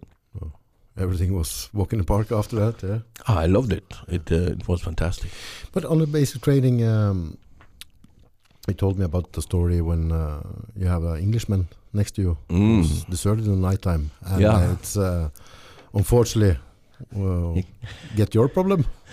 Yeah, what happened? We was in a place called Caylus, which is a, anyway a, a training camp, and we're going to do um, half marathon, twenty one kilometers run. Uh, but um, With no uh, backpack, nothing. No, no, no. It was like like a, a run in sport clothes. Yeah, and and at night it, this is we were there in a in a big barn. Were sleeping in a barn. It was a big old barn. You know, the Legion doesn't like classrooms and nice camps, so we were sleeping in a barn in the dust, uh, and we had our equipment and we were lined up. You know, in this barn that the cows had just left two weeks ago. It was still stinking. You know, and we have to install our military system with our sleeping bag and roll it out and put. Uh, uh, you know the helmet there, the gun there, and everything has to be in the right place, and your shoes are there, and then you know, and of course there's no light. It's dark and it stinks, and uh, we're doing military things the whole day. Finally, we get to bed, and I hear this British guy next to me at night. As we say in Norwegian, romsteder. you know, he's uh, Noisy. Yeah, he was doing something. I said, "Fucking, I'll get to bed." You know. anyway, so I didn't realize that he and a friend of him they ran away. deserted. Yeah. I asserted that night. Uh, but it in in his immense smartness and wiseness, he he took my running shoes and left me his. Problem is I'm 45 and he's 41, so Uh, the next day, after the mess of missing two people and uh, chaos, screaming and shouting, and yeah, well, anyway, uh, give you the details. Um, we are still going to do 21 kilometer run, and I suddenly, with my little Norwegian foot uh, feet, had uh, 41 shoes. Uh, that didn't even work for my little sister. But um, I run. Uh, I went ahead. Um, because it was not an option to start complaining then because then already the, the guys was quite aggressive because somebody deserted there. Yeah, and uh, with hindsight, I think I should have, yeah. you know, uh, uh, and they would have understood. But in in the situation I was, I didn't. I was Pressure, uh, I was you know scared and in really I'm four weeks in the Legion. You know, you know I'm not there to complain. You know, so I did this run. Um, it was so painful that I, I, after 10 kilometers, I think I lost uh, contact with my feet. But you can't stop. It was not an option because I knew that I didn't have the French to explain that my feet, the shoes were too small. Uh, and if I knew, I could have done it before, but after running, everybody was saying, "Ah, now this guy is trying to," you know. So I was trying to get uh, some sticks around my head. So I just kept on running, and um, and when I finally got in after 21 kilometers, I uh, I, I collapsed. I couldn't walk. Uh, so they pulled the shoes up with just blood and a mess, you know. Yeah. And uh, and they were very happy because they finally understood why, you know. And um, I got a lot of respect from my leaders from it. I didn't realize it in those days, but probably uh, that's the right thing to do. Mm uh, Stoyan Goodman or Stafford as it was called in those days. So um, without wanting to do it, I think I got a lot of brownie points for those for that trip. Yeah. It's just uh, to giving it up is not in your language. You can't, and and I think that's that's the whole point with the with the basic training is to understand you can do whatever you want, but just don't give up. Hmm. And um, that's probably you don't, you don't lose before you give up, don't you? I didn't get it. You don't lose before you give up. Yeah, you can lose, but you, you can't give up. Yeah, yeah, yeah no, and and. But a, a, proper loser is is one who's giving up. But mm. if you're never giving up, mm. in, in in theory, you never lost. Yeah, and and I think it's I, I suppose you know that's the case of most militaries. You know, it's it's a hard requirement, and people are suffering, and and and, and it's a part of the of the training of the people. I I, I fully understand, uh, but in Legion, it's taking to to to a far higher degree, mm. and and we are back to this belonging. Mm. Running in two small shoes brought me uh, legit legitimacy as a uh, goer. Yeah. You know, didn't give up. Giving up. Yeah. Mm. After those four months, what happened? What is the next step? Ah, long step. It's long step, yeah. long step.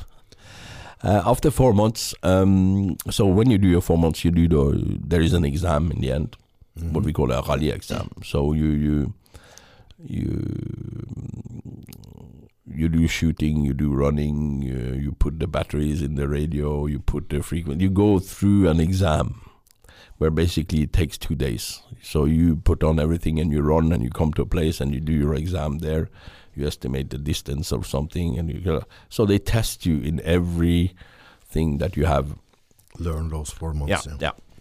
And this this group of 50, 50 candidates in the beginning, with the deserters and the sick and the people who fell off uh, by for different reasons. After after four months, we were maybe somewhere between twenty five and thirty. Mm.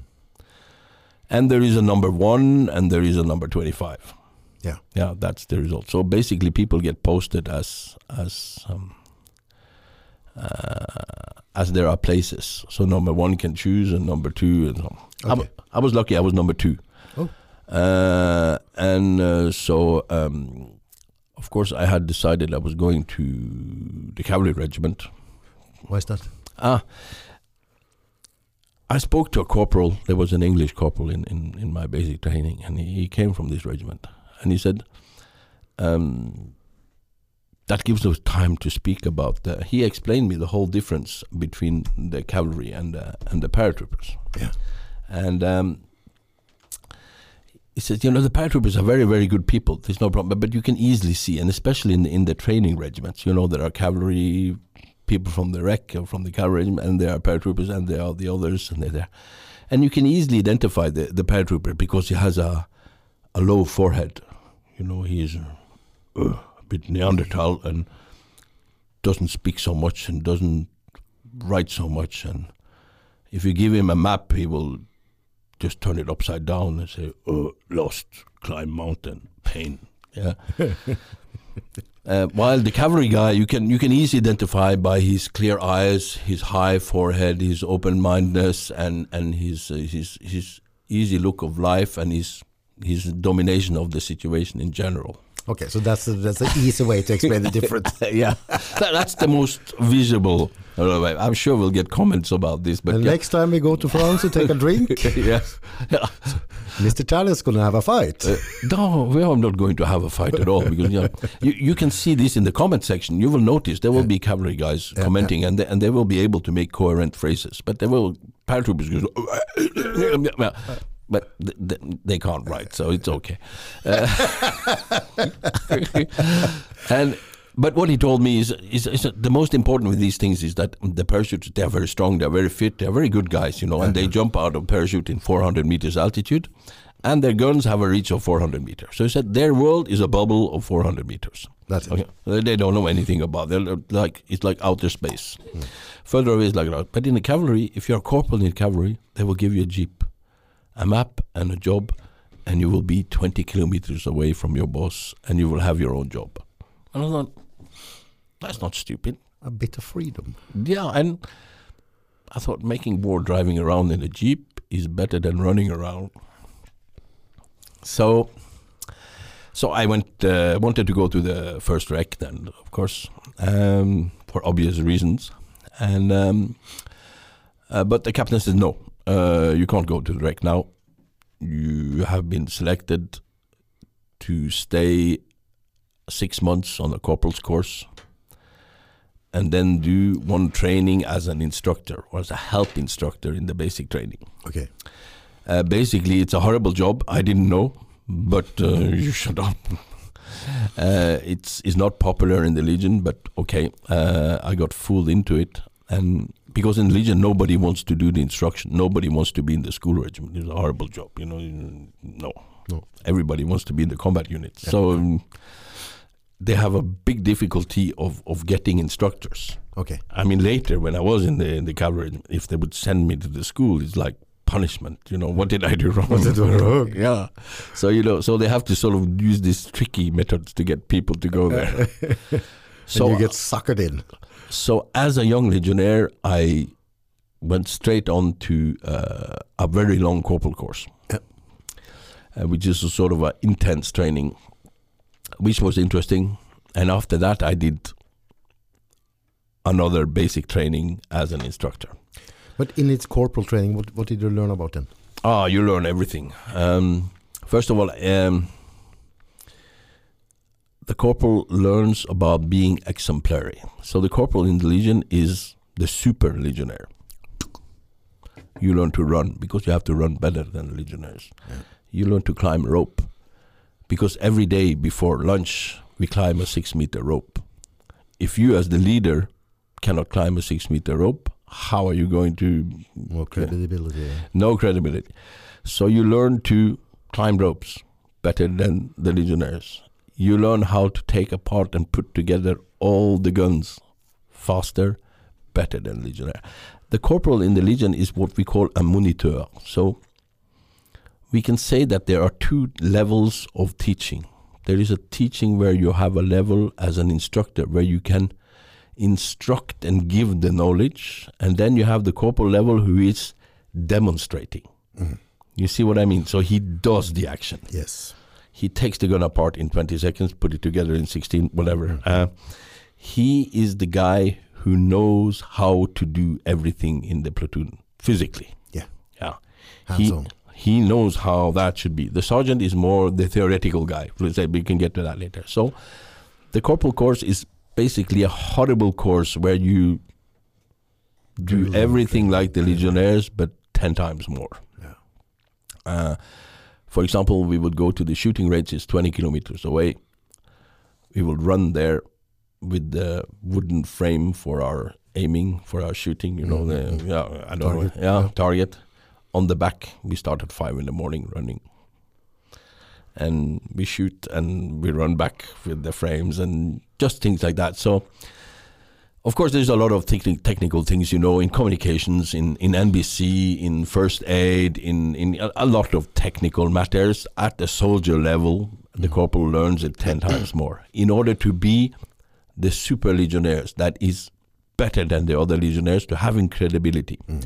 And then you have basic leadership uh, training where you learn how to march people around like in every army and, and and you learn how to do the command of two or four or five people in in a combat situation of course in basic infantry training but basically the corporal's course is a horrible probably the hardest course physically because it's pressure all the time and now you're going to be a corporal so you really have to know what you're doing Mm.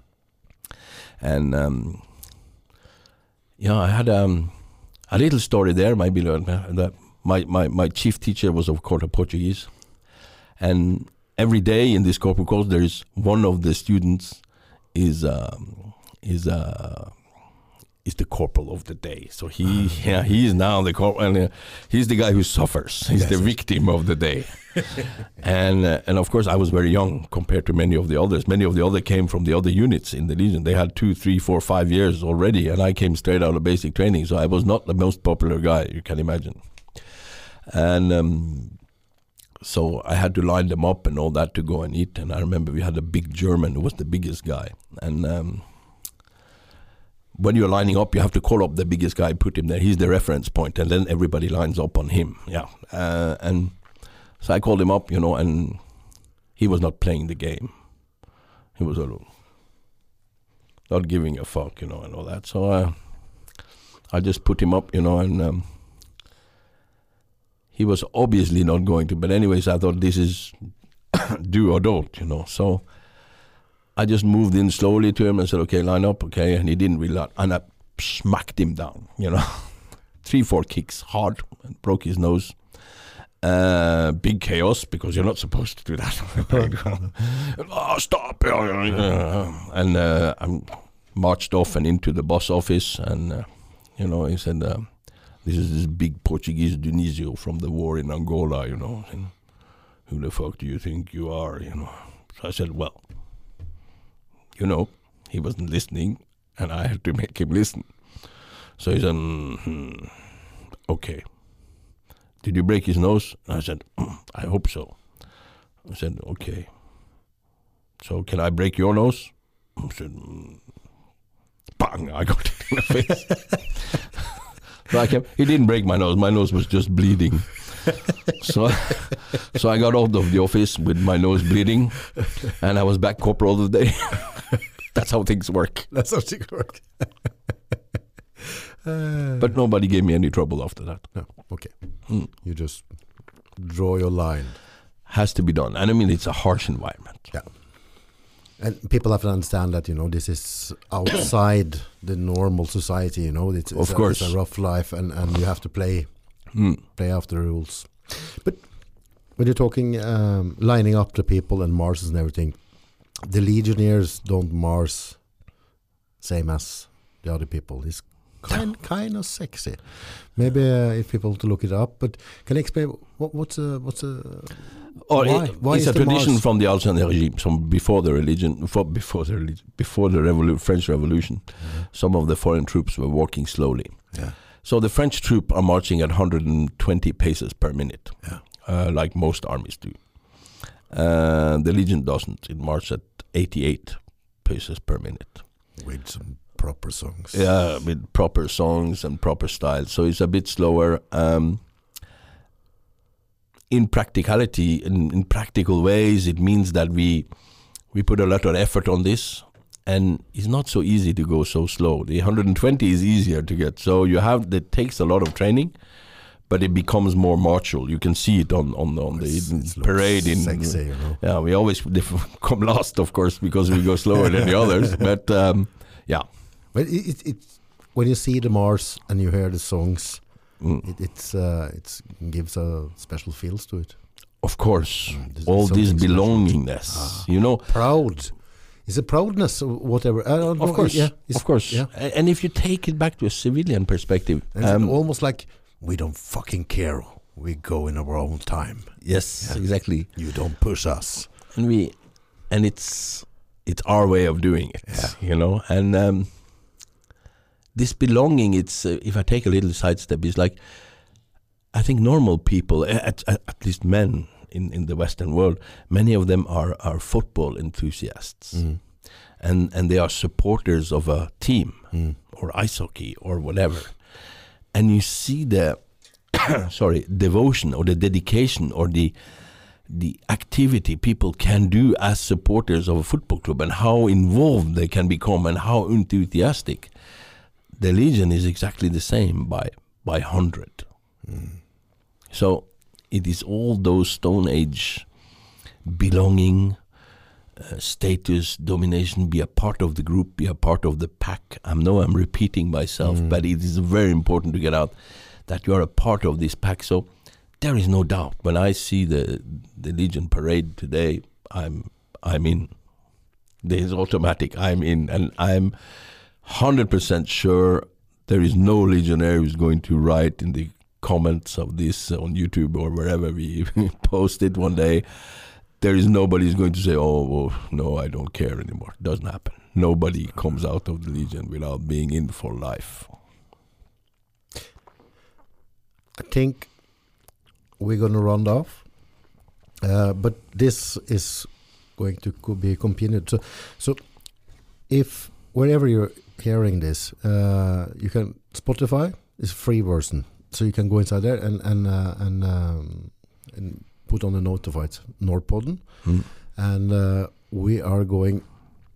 Now we are um in uh, the corporal training, and we're going the next steps, and we're going through the wars you've been into. We're going all your life as a legionnaire now. yes and in the comment section if people have questions once more Come on, they want to us, want to hear about it uh, will be more than interesting and uh, and any feedback is interesting and any of my former colleagues uh, uh, that should have any comments to make uh, don't forget i'm still able to smack them around so. I think I think uh, the next episode is coming coming quite quickly. So Mhm. just uh, turn off on the notification bells and uh, follow us. Uh, we are in Seginor Media and uh, and YouTube. We also have in Facebook, but we also go on Spotify, iTunes, all the all the stations. But uh, put on the notify bell and uh, don't lose the rest. legio patria nostra Thank you very much, sir.